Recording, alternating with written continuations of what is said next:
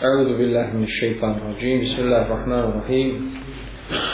الحمد لله رب العالمين والصلاة والسلام على أشرف الأنبياء والمرسلين رسولنا ونبينا محمد وعلى آله وصحبه أجمعين وسلم تسليما كثيرا. يا أيها الذين آمنوا اتقوا الله حق تقاته ولا تموتن إلا وأنتم مسلمون. Neka je hvala i zahvala Allahu subhanahu wa ta'ala i neka je salavat i salama našeg poslanika Muhammeda sallallahu ta'ala alaihi wa sallam i na sve one koji slijede njegov put do sudnjega dana. I večera smo sa muslimovim sahivom, odnosno i večeras govorimo o poglavlju o imanu i po redu je 13. hadis od Muada ibn Džebela koji glasi an Muad ibn Džebel radijallahu anhu kale kuntu rizka nebi sallallahu alaihi wa sallame lejse bejni wa bejnu illa mu'khiratu rahl فقال يا معاذ بن جبل قلت لبيك يا رسول الله وسعديت ثم سار ساعة ثم قال يا معاذ بن جبل قلت لبيك يا رسول الله وسعديت ثم سار ساعة ثم قال يا معاذ بن جبل قلت لبيك يا رسول الله وسعديت قال هل تدري ما حق الله على العباد قال قلت الله ورسوله أعلم. قال فإن حق الله على العباد أن يعبدوه ولا يشركوا به شيئا. ثم سار ساعة ثم قال يا معاذ بن جبل قلت لبيك يا رسول الله سعدي. قال هل تدري ما حق العباد على الله إذا فعلوا ذلك؟ قلت الله ورسوله أعلم. قال ألا يعذبهم. Prenosi se od Muada ibn Džebela da je rekao Jahao sam iza Allahovog poslanika sallallahu alaihi wa sallame Samo nas je razdvajao u zadnji dio sedla To je se bili su na istoj jahalici Pozvao me Muaze, Muaze sine Džebelu odazivam se Allahu poslaniće, rekao sam.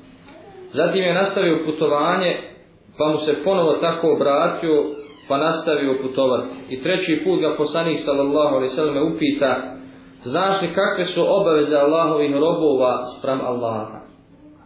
To jeste, znaš li šta je to Allahov hak kod njegovih robova? Allah i njegov poslanik najbolje znaju, odgovorio sam.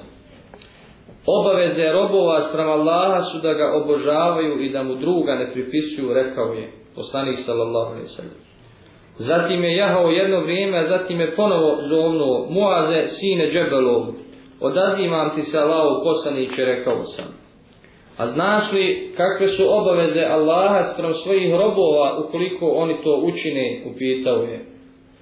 Allah i njegov poslanik to najbolje znaju, rekao sam da ih ne kazni, reče poslanik. Znači ovaj hadis, kao i ovi prethodni u poglavlju, govori o temelju i osnovi vjere Islama, to je da se Allah obožava i da mu se niko i ništa kao saučesnik i kao sudrug ne pridružuje. To je osnova, to je osnova vjere. I to je srž, srž poslanstva. To mi su svi poslanici pozivali. I to je naše, naša obaveza, osnovna obaveza prema našem stvoritelju i gospodaru. I to, kažem, je bila srž misije svakog od poslanika od Adema do Muhammeda ali Da Allaha obožavaju i da mu nikoga u ibadetu ne pridružuju kao saušesnika i da odnosno da mu čirk ne čini. To je znači Allahov hak što kaže Allahu hak kod nas, kao naš stvoritelj i naš gospodar, onaj kome ćemo se, kome će, kome ćemo se vratiti. A obaveza Allahova, ovo po navodnim znacima obaveza, prema njegovim robovima, ako tako budu postupali, to jest ako ga budu obožavali i ne budu mu činili širk, odnosno ne budu mu pripisivali saučesnika Allahova obaveza koju je on sam sebi stavio, ne da mu neko drugi stavio, jer Allahu niko ne može obavezu staviti. Allahova, Allahova je obaveza da ne kazni te robove koji tako budu postupali. Da ih ne kazni, odnosno da ih spasi džehennemske vatre. A samim tim da ih nagradi džennetu. Ovaj hadis, kažem, je poznat, Moja Ibn Džebel putovao često s poslanikom, ali je sallatu i poslanik ga upitao nekoliko puta e, zvao ga je tri puta, jeli, da bi skrenuo pažnju na ono što će kazati. Da bi naglasio važnost onoga što će kazati. A to je haku Allahi ala l'ibad. što je Allahu haku i njegovi robova. Što se tiče pitanja koje je srž ovog poglavlja, to je E, šta to uvodi čovjek u islam i kako čovjek postaje musliman, kažem to je i tekako značajno bitno poglavlje, jer mnogi to, ta pitanja ne razumiju. Mnogi su skrenuli s puta poslanika ali su na puta selefa po ovom pitanju, pa su ošli u jednu ili drugu krajnost. I navešću jedan hadis koji nije znači ovdje, nego je bilježi Buharija, Ahmed i drugi Kaže Enes ibn Malik prenosi da je poslanik sallallahu alejhi ve selleme jedne prilike došao kod jednog jevrejskog dječaka u Medini, ja, koji je bio teško bolestan. Ovaj dječak je nekada bio, znači, sluga, odnosno služio poslaniku sallallahu alejhi ve sellem. Poslanik je došao obići, nije musliman bio, bio jevrej. Ja. I stao iza njegove glave i rekao mu, reci la ilaha illallah. Kao što je, ako se sjećam ono hadis, govorio svom namiđe Butalibu. Znači, nastojao je da, da robove Allahove spasi džehennema do zadnjeg trenutka njegova života. I odšao je tom jevreju da ga posjeti i čuje da je bolestan, teško bolestan i došao mu iz glave i kaže reci la ilaha illallah. Dječak onako je kao dječak, sad, ovaj, ne bilježi se koliko imao tačno godina, možda neki e, 12-13 godina, jeli? gledao je poslanika, a pa je gledao svoga oca, koji je bio tu prisutan. A poslanik je stalno ponavljao te riječi. Na to mu ovaj otac ovog dječaka reče, poslušaj Ebul Kasima. Ebul Kasim je poslanikovo, poslanikovo nadima po svome sinu Kasimu. Ebul Kasim ili otac Kasimov. To je poslanika. Nakon što je ovaj dječak dobio dozvolu, odnosno i šaret u svoga oca, izgovorio je dva, dva šehadeta, odnosno ešhedu la ilaha illa Muhammed Rasulullah, A poslanik kada je salatu wasalam i nakon toga rekao hvala Allahu koji ga je mojim trudom sačuvao vatri. Kažem hadis bliži Buharija muslim. Što znači da ove riječi šehadet la ilaha illallah su zadnja slamka ili zadnja šansa koja čovjeka može sačuvati vatre, vječne vatre. To je kao ona, jeli, kao lozinka, kao šifra kojom se ovaj spašavamo džehennemske vatre. Što znači da čovjek sa la ilaha illallah može otići u džehennem, ali u njemu neće vječno boraviti, jer će ga to la ilaha illallah izvući. A, a opet ne mora nikako ući u džennet, jer može ga Allah zbog samo tih riječi spasi džehennem. Kao što sanik Ali Islata sam kaže ovdje, hvala Allahu koji ga moj, mojim trudom sačuvao vatri. Zato ovo sam naveo zato što kod kada je u pitanju ulazak u islam ili primanje islama ili riječi kojima se postoje musliman, e, dovoljno je da se izgovori šehadet. Dovoljno je da se izgovori šehadet da čovjek postane musliman, ali znači spominjala smo onim predvim hadisima da je, da je to iskreno. Znači da, da je to iskreno. Ne moraju se poznavati svi uvjeti i šartovi la ilaha Svi uvjeti i šartovi šehadeta. Kao što vidimo iz poslanikove prakse, alaihi salatu wasalam, kada je ljudi tražio, ovaj, tražio samo da kažu la ilaha illallah muhammed rasulullah. To je bila, znači, minimum šanse da se spase džene. Što se tiče šartova la ilaha illallah, odnosno ono pitanje koje je postavljeno od strane sestara prošli put, stvar ne znam je li pitanje, s obzirom da je, da je rečen, na kraju rečenci uzvičnik, uzvična je rečenca, pa sam ja shvatio da se neko rekao mi nisu jasni oni hadisi koji smo spominjali i ono čime čovjek postaje musliman i čime nevjernik čime ne, znači nevjernik u ljud postaje zaštićen. Shvatio sam da ovaj, ili se neko ne slaže s tim ili nije razumio. Pa sam zbog toga ovaj hadis spomenuo. A šartu i lajla hila su poznati. Oni su znači oni se ne uvjetuju pristupanju pri ulazku islamu da čovjeku, da čovjeku obavezuješ nečim čim ga nije obavezio, obavezao, obavezao slanika da je islam. Bitno je da je svoga srca pri ulasku u islam, primanju islama kaže ešhedu la ilaha illallah, ešhedu na muhamdan abduhu To je bitno. Pa čak po nekim učenjacima islamski dovoljno da kaže la ilaha illallah. Što se podrazumijeva ili priznavanje poslanika za Muhammed ali sallatu wasallam poslanika. Pa čak neki kaže da je dovoljno da kaže ja sam musliman. Ja sam musliman. Što znači da će taj svoj islam potvrditi kasnije i srcem jezikom. Znači ovo je osnova. Izgovaranje jezikom i potvrda srcem. A djela su, znači, djela su ono što upotpunjava naš iman. Što upotpunjava naš iman, djela ne ulaze u samu, u sam temelj, temelj naše vjere. To je ono što upotpunjava i čime gradimo svoj iman. Sljedeći hadis, znači 14. hadis,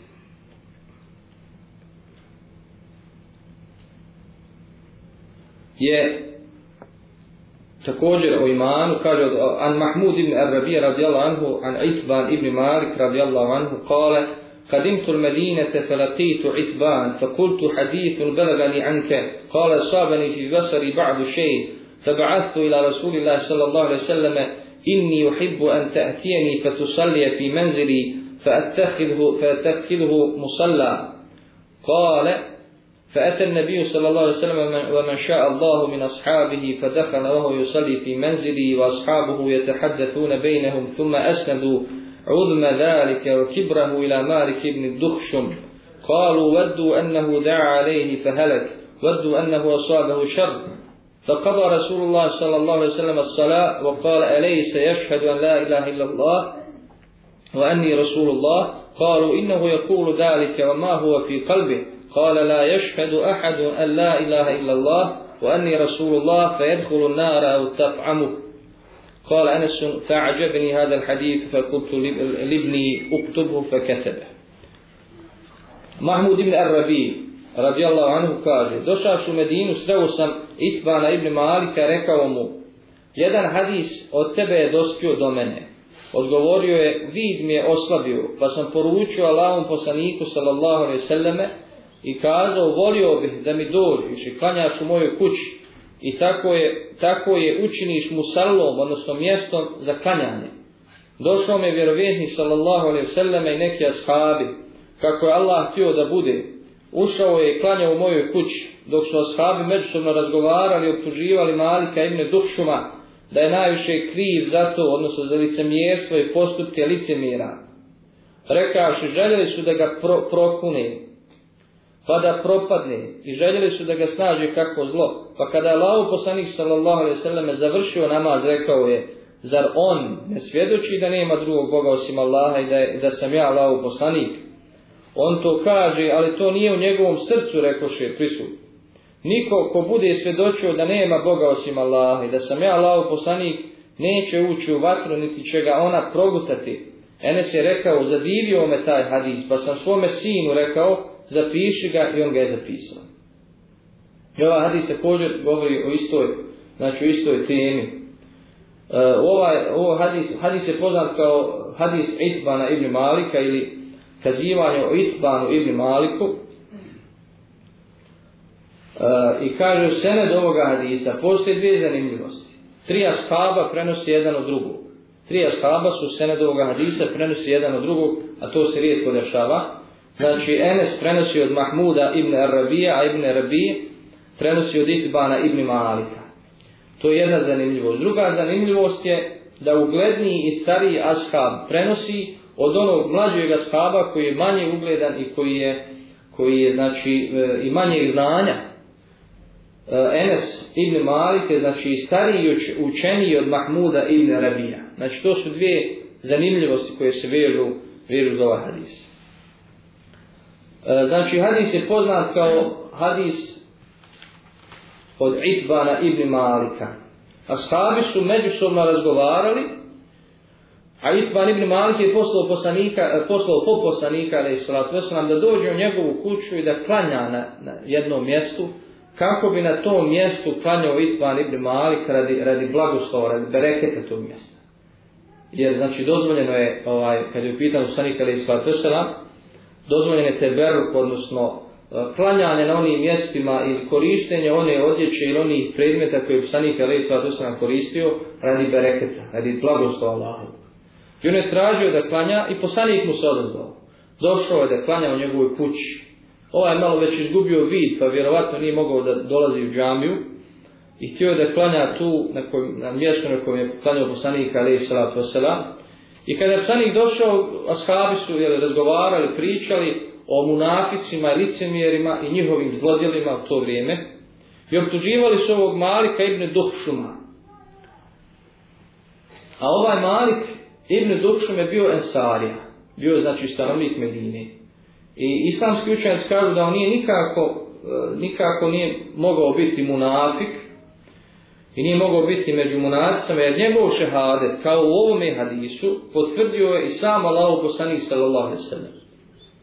A u drugoj predaji kod Buharije stoji da je poslanik alaihi sallatu wasalam rekao zar on ne svjedoči da nema Boga sem Allaha želijeći time Allahovo lice. U ovom hadisu se to ne navodi. To jeste to iskreno svjedoči. A zar on ne svjedoči iskreno jer želijeći time Allahovo lice da nema Boga sem Allaha. To je pitao shabe zašto ga optužujete za lice mjesto. Ko shabi jel? Kao ljudi zbog nekih dijela mislili su i smatrali da on da on povezan sa munaficima ili licemjerima. Znači ovo je bila potvrda u ovoj, u ovoj predaji kod Buharije da ovaj Malik ibn Dohšum da nije bio od munafika, nego je to bila jedna subjektivna procjena shaba. I kaže dalje, poslanik Ali Salatu se nam došao u kuću i klanjao. Prvo je klanjao pa se kasnije obratio ashabima. Pa Kada su oni ovo govorili, on je rekao, zar on ne svjedoči da nema drugog Boga osim Allaha, da sam ja Allahov poslanik. A oni su željeli i da poslanik Ali Islata Veselam to čuje o njemu i da ga prokuni, da, ga, da u, protiv njega uči dovu ili dove. I znači u ovome hadisu jeste i dokaz da je dozvoljeno protiv provjerenih i dokazanih munafika licemira i dušmana vjeri da je protiv njih dozvoljeno dobiti da ih snađe zlo i nevolja zbog njihovog nifaka i zbog njihovog zla. E da se čovjek ne bi pretjerao. Dozvoljeno je moliti protiv zalima, nasilnika. Moliti Allah da ih snađe zlo i nevolja. Ali da čovjek ne bi pretjerao, pa molio nešto što on svojim dijelom ne zaslužuje, najbolje je dobiti da mu Allah dadne ono što zaslužuje.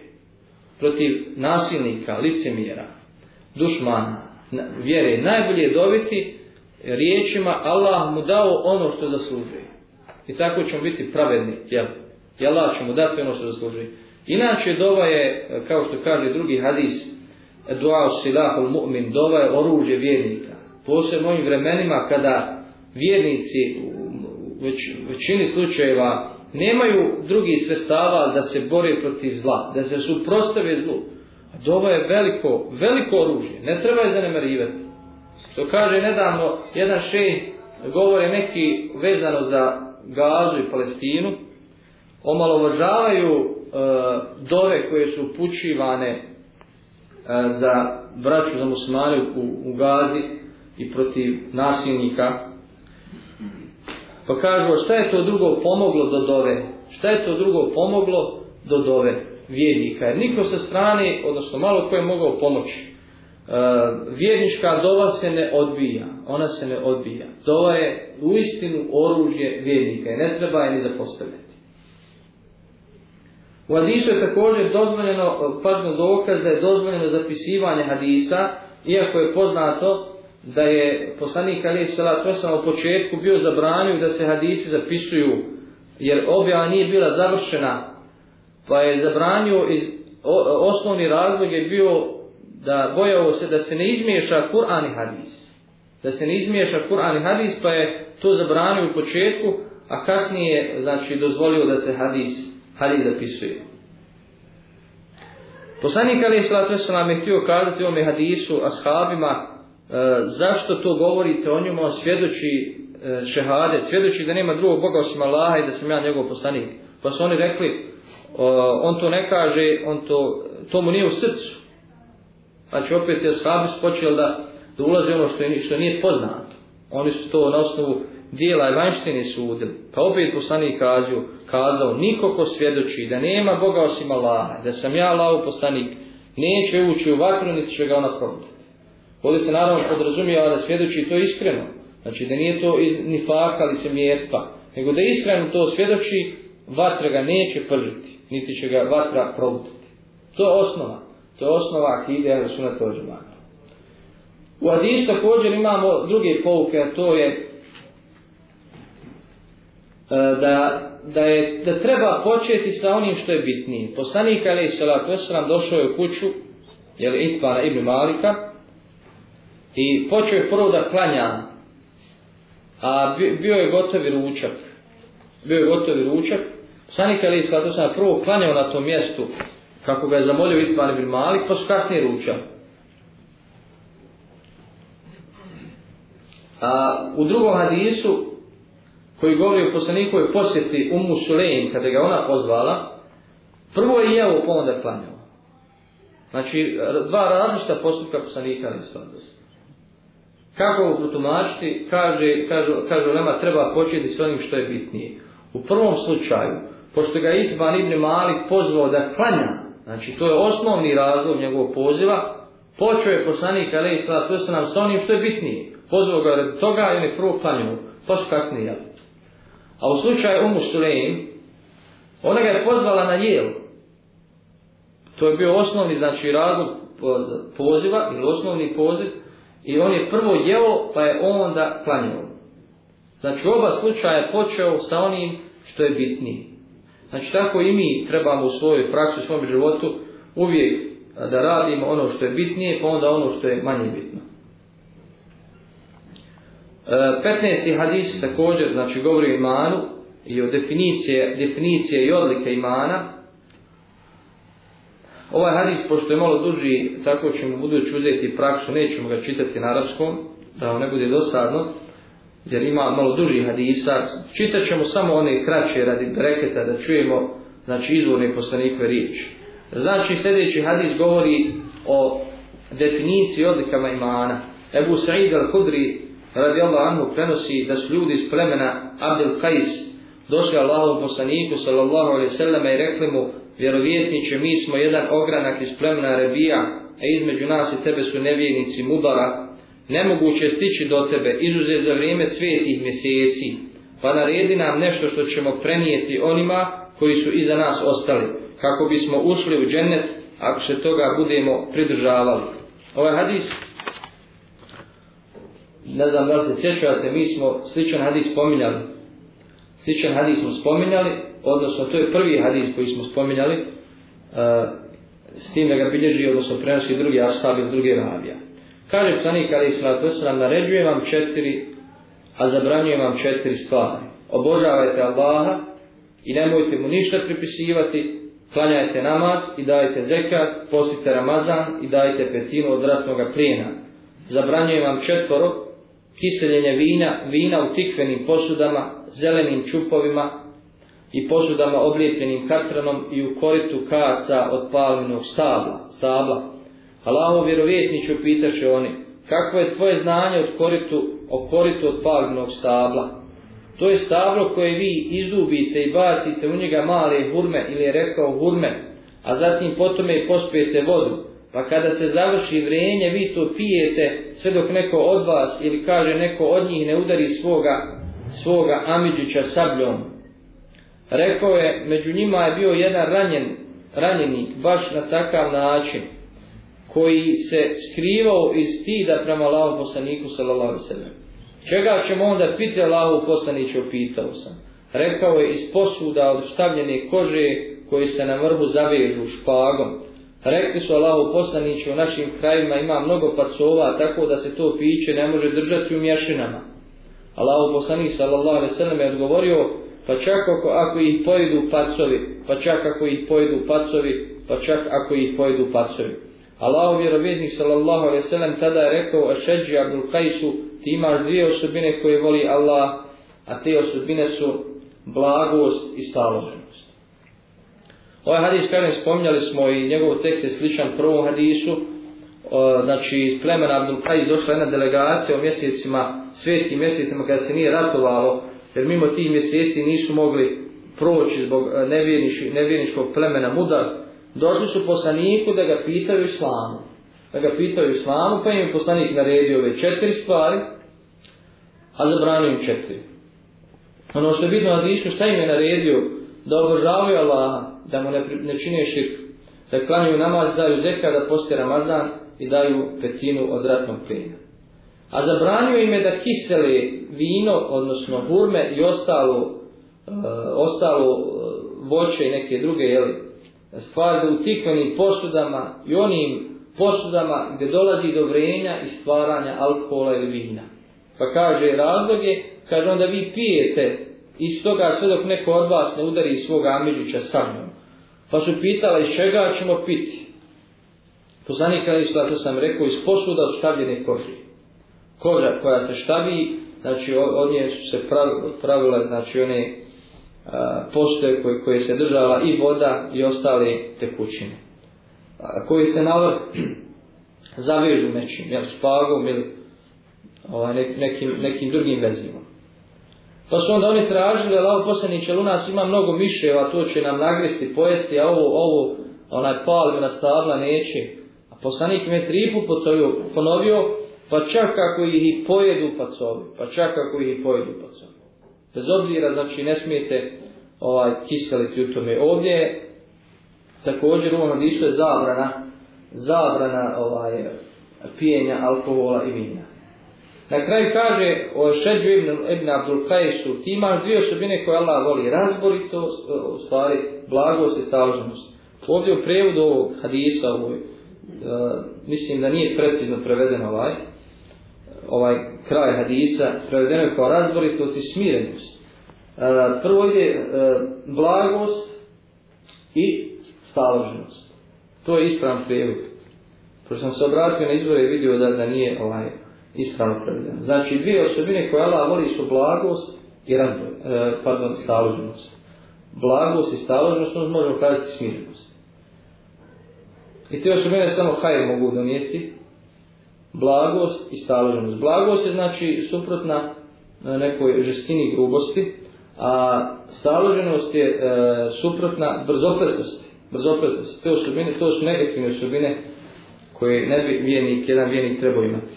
16. hadis govori o najvrijednijim dijelima.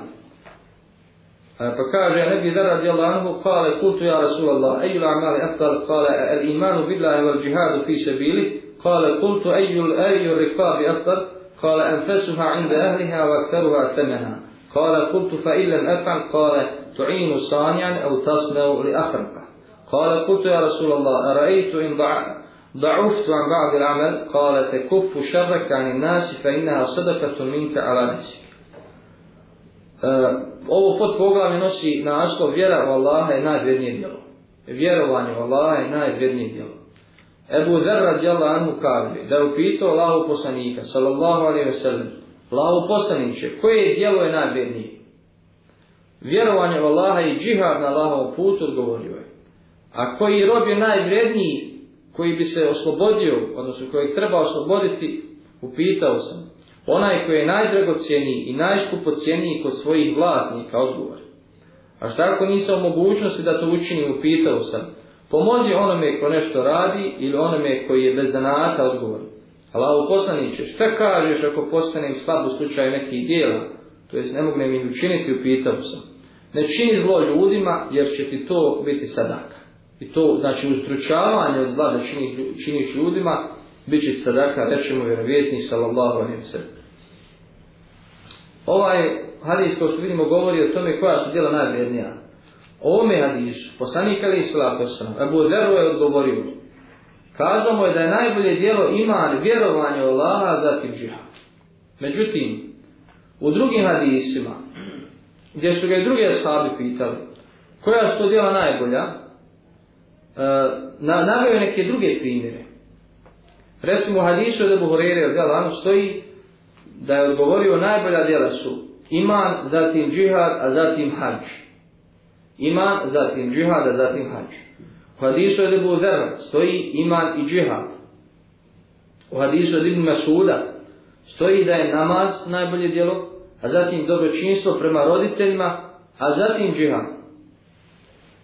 U hadisu od Abdullah ibn Amra stoji koji je islam najbolji, mada su to sinonimi u ovom slučaju iman islam, pa je rekao da nahraniš gladnu i da nazivaš selam onome koga znaš i onome koga ne znaš. Znači vidimo da je poslanik Ali Salatu Veselam u različitim situacijama dao različite odgovore. Kako pomiriti, odnosno e, razumijeti ove hadise. Kako razumijeti ove hadise. Vi ste često sigurno nailazili na njih, pa vas može to izbuniti, pa nekada doći do e, do svađe sa, sa sagovornikom zbog toga što će neko kazati da je bolji hađ, neko će kazati bolji džihad, neko će kazati bolji namaz svega toga, a neko da je bolje dobročinstvo prema roditeljima. Odgovor, odnosno objašnjenje, e, ovi hadise mogu objasniti na sljedeći način. Da je poslaniku, sallallahu alaihi sallam, odgovor bio u zavisnosti od stanja i osobe koje odgovara i da se ne misli da je spomenuto djelo najbolje u svakom pogledu i u svim okolnostima. Što znači da ne, ne misli se da ako je nekada kazao da je najbolje djelo dobročinstvo prema roditeljima, to ne znači da je to djelo u svakom slučaju, u svim okolnostima i stanjima najbolje. Što znači da u određenim, u drugim okolnostima i kada su pitan druge osobe, može biti e, drugo djelo vrijednije i bolje. To potvrđuje predaj od Ibn Abasa, da je Allah poslanik sallallahu alaihi sallam rekao hađ za onoga ko nije obavio hađ vrijedniji je od 40 bitaka. A bitka za onoga ko je obavio hađ bolja je vrijednija nego 40 hađova. Znači ovaj hadis je najbolja potvrda ovoga jel o čemu govorimo znači onaj ko nije obavio hađ za njega je bolji hađ. Vrijedniji hađ nego 40 bitaka na lahom putu A za onoga koji je obavio hađ, za njega je vrijednije da učestvuje u 40 bitaka nego da obavi, da obavi više, jel 40 hađova. Znači sve zavisi od situacije onoga ko pita. Za nekog će biti bolje da čini dobročinstvo roditeljima, za nekog je bolje da pobrine se svome namazu, da ga obavlja na vrijeme, jer mu je to možda slabost. Za nekog je bolje da se bori na lahom putu, jer je sposoban za to, jak, odvažan i koristan i tako dalje. Drugo objašnjenje je da se u hadisma misli da su to jedna od najboljih dijela, ne da su naj, da je to najbolje dijelo. Znači da je izostavljeno ono jedno od najboljih dijela. Hoće se kazati da je e, nakon, nakon imana džihad jedno od najboljih dijela, namaz jedno od najboljih dijela, ne apsolutno najbolji. Spominje Al-Qadi ibn Iyad, e, kaže, spominje da je džihad prije hađa zbog toga što je to bio početak islama, u ovom hadisu. Spomenuti e, džihad, e, u stvari u jednom hadisu koji prije ovoga, ovoga ovaj nije naveo ovdje, spominje se da je džihad spomenut prije hađa zbog toga što je to bio početak islama i što se vodila odlučujuće borbe protiv neprijatelja islama, pa je džihad u to vrijeme bio važniji i vrijedniji od hađa. Znači, zavisi vrijeme, nekada, može nekada biti potreba za sadakom, pa je sadaka pomaganje siromašnih bolja recimo od hađa za onoga ko nije za onoga ko obavio hađ. Naravno preći je hađ za onoga ko nije obavio. Njemu je to prioritet obaviti hađ prvi put u životu. Ali ako obavio hađ i hoće da ide na umru recimo međutim ukaže se prilika da taj novac svoj potroši na nekom mjestu gdje je puno korisnije i vrijednije. Neka porodca jednostavno na rubu e, propasti zbog siromaštva i tako dalje, se vapnimo da taj novac uloži u sadaku, da dane sadaku. Kao što je to radio Abdullah ibn Barek, kad je spremao se nišao 70 puta na Abdullah ibn Barek, poznati jeli, učenjak i tabin, e, kaže, e, jedne godine je htio da je nahač sakupio novac i onda vidio je se ovaj, e, jednu grupu siromaha i podijelio je njima taj novac, odustao od hađa. Znači ovo je dobar primjer kako su uh, prvi muslimani ali razumijevali ove stvari. Odustao je od hađa i podijelio njima novac. A u nekim predama se spominje da je poslao neke nahađe, pa kad se vratili, počeli su, dolaze su njemu i njega se lamili i čestitali. Pa pitao je šta, šta mu čestite, kaže čestituje mu hađu. Što? Kaže, to bio sa nama na refatu. Znači u tim predajama se spominje da su ga vidjeli na hađu, iako nije bio na hađu, što može ukazivati na keranet, odnosno jednu na nadprirodnu pojavu da mu je Allah to ukabulio kao da je bio na hađu. 17. hadis po redu uh, glasi, ja ne bih horevete radijala anhu, kale, kale Rasulullah sallallahu alaihi sallam, la je zalu nas još anune anil ilmi, hatta je hada Allah, fa men halak Allah. Kale, fe, bejna ene fil mesjidi, إذ جاءني ناس من العراب فقالوا يا أبا هريرة هذا الله خلقنا فمن خلق الله قال فأخذ حصى بكفه فرماهم به ثم قال كوموا كوموا صدق خليه صلى الله عليه وسلم ovo, ovo poglavlje ili pod poglavlje govori o imperativu vjerovanja i traženju Allahovog utočišta od šeitarskog došaptavanja ili resvesa. Ebu Hureyre radijallahu anhu prenosi da Allahu poslanik sallallahu alejhi ve sellem rekao ljudi vas neće prestati pitati o znanju, to jeste o znanju Allahu, sve dok ne kažu, o dobro, ovo je Allah stvorio, a ko je Allah stvorio? Nebubillah. Kaže Ebu Hureyre, dok sam bio u poslanikovoj džami, došli su neki beduini i pitali me, Ebu Hureyre, ovo je Allah koji nas je stvorio, a ko je stvorio Allah? On je tada uzeo kamenčiće u svoju ruku i bacao ih na njih, rekavši, ustanite, ustanite, odnosno bježite, bježite, istinu je rekao moj miljenik ili moj prijatelj, misli na poslanika, ali i svom O, Ebu Hureyre je čuo, znači, ovaj hadis od poslanika, da će doći vrijeme kada će ljudi pitati o Allahu, e, pa će govoriti ovo, ko je stvorio ovo, ko je ovo, sve dok ne upitaju ko je Allah stvorio. I to se je stvarilo u njegovom životu, za vrijeme Ebu Hureyre, kao što kaže dok je bio u mesčidu, došli su neki beduini i pitali ga, dobro, ovo, ovo je Allah, ili Allah o kojem govorimo, on nas je stvorio, a ko je stvorio Allah?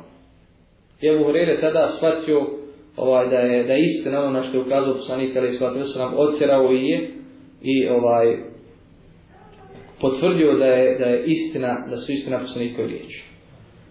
I u 17. hadisu, odnosno 17. e, eh, a, možemo kazati, prenosi kada Abi Hurajra radijallahu anhu an Nabi sallallahu alejhi ve sellem قال لا يزال الناس يسألونكم عن العلم حتى يقولوا هذا الله خلقنا فمن خلق الله قال وهو آخذ بيد رجل فقال صدق الله ورسوله قال قد سألني واحد وهذا الثاني Kaže, u sličnom hadisu Abu Hurere radijallahu anhu prenosi od Allahu poslanika sallallahu alejhi ve selleme da je rekao stalno će vas ljudi pitati o znanju sve dok ne kažu ovo je Allah naš stvoritelj ko je Allah stvorio rekao je to je Sebu Hurere je uzeo za ruku jednog čovjeka i kazao istinu je rekao Allah njegov poslanik već me je pitao jedan čovjek a ovo je drugi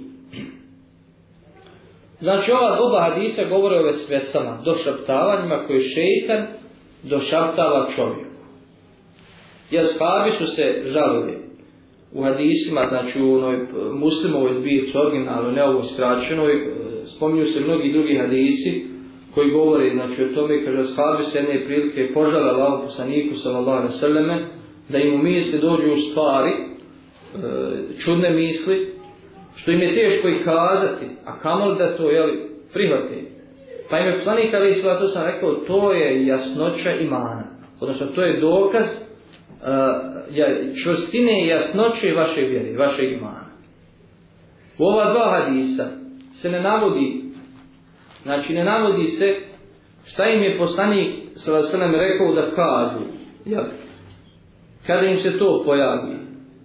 Znači, ashabima su dolazile različite vesvese, ali poslanik im je kazao, te vesvese, ta došaptavanja šeitanska, ona nisu, nisu ovaj opasna u vašem slučaju, jer se radi o jasnoći vaše vjere. Pa šeitan, zbog, eh, zbog toga što vas ne može nikako odvesti s pravog puta, E, makar će vam e, zagorčiti život različitim vesvesama, sumnjama i pitanjima koja vam bači. To je njegova moć koju je Allah dao. Jednostavno, ovaj, bez ikakvog osnova i razloga, pojave vam se neke misli u glavi, čudne, djel, vezano za vjeru, neke nejasnoće.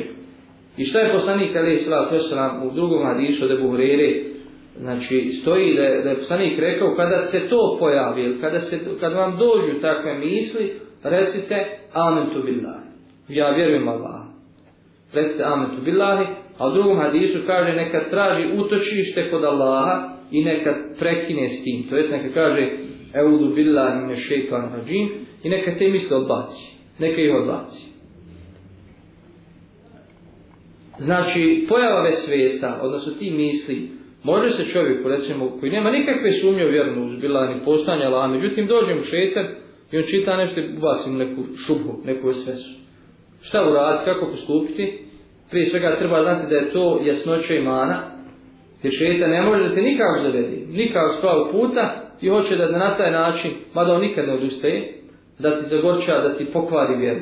Treba kazati amen tu billah, vjerujem Allaha, i treba reći evo billahi ne šeitan džim i odbiti te misli.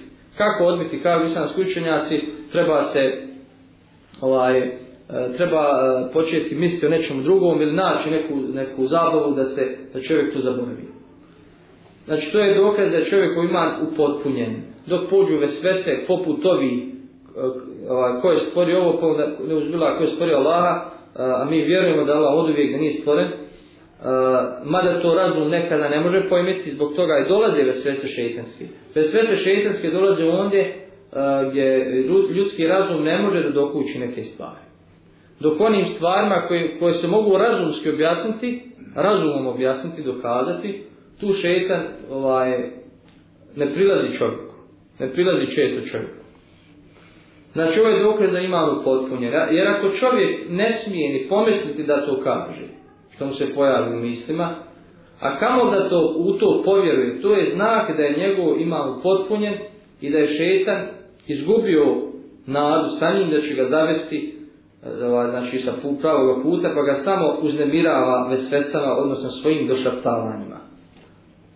Što se tiče nevjernika i oni koji su zabludi, sa njima šetan, njima nema, on nemaju vesvesa nikakvi. Oni sve prihvate. Sve što im donese, on to je prihvate i povjeruju u to i slijede šetana i on se sa njima poigrava kako hoće, radi šta hoće, prilazi im s koje hoće strane. Znači to je razlika između E, iskrenih vjernika, odnosno i dru, s jedne strane i nevjernika i griješnika, teži i druge strane. Što se tiče i riječi, neka prekine s tim, to jeste neka se okrene od takvih misli, neka traži utočište kod Allaha. Neka traži da mu Allah pomogne u tome da odbije takve misli.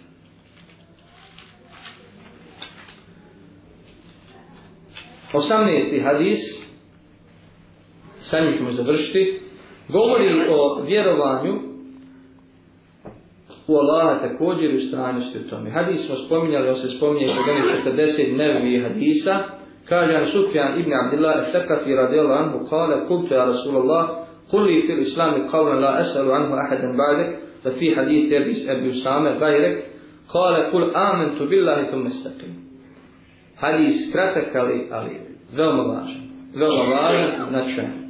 Poslanik Ali Isla to kaže o vjerovanju Allaha i ustrajavanju u tome. Sufjan ibn Abdullah Tekafi kaže da je upitao Allahu poslaniće, recimo islamu nešto o čemu nakon tebe nikoga drugog neću pitati.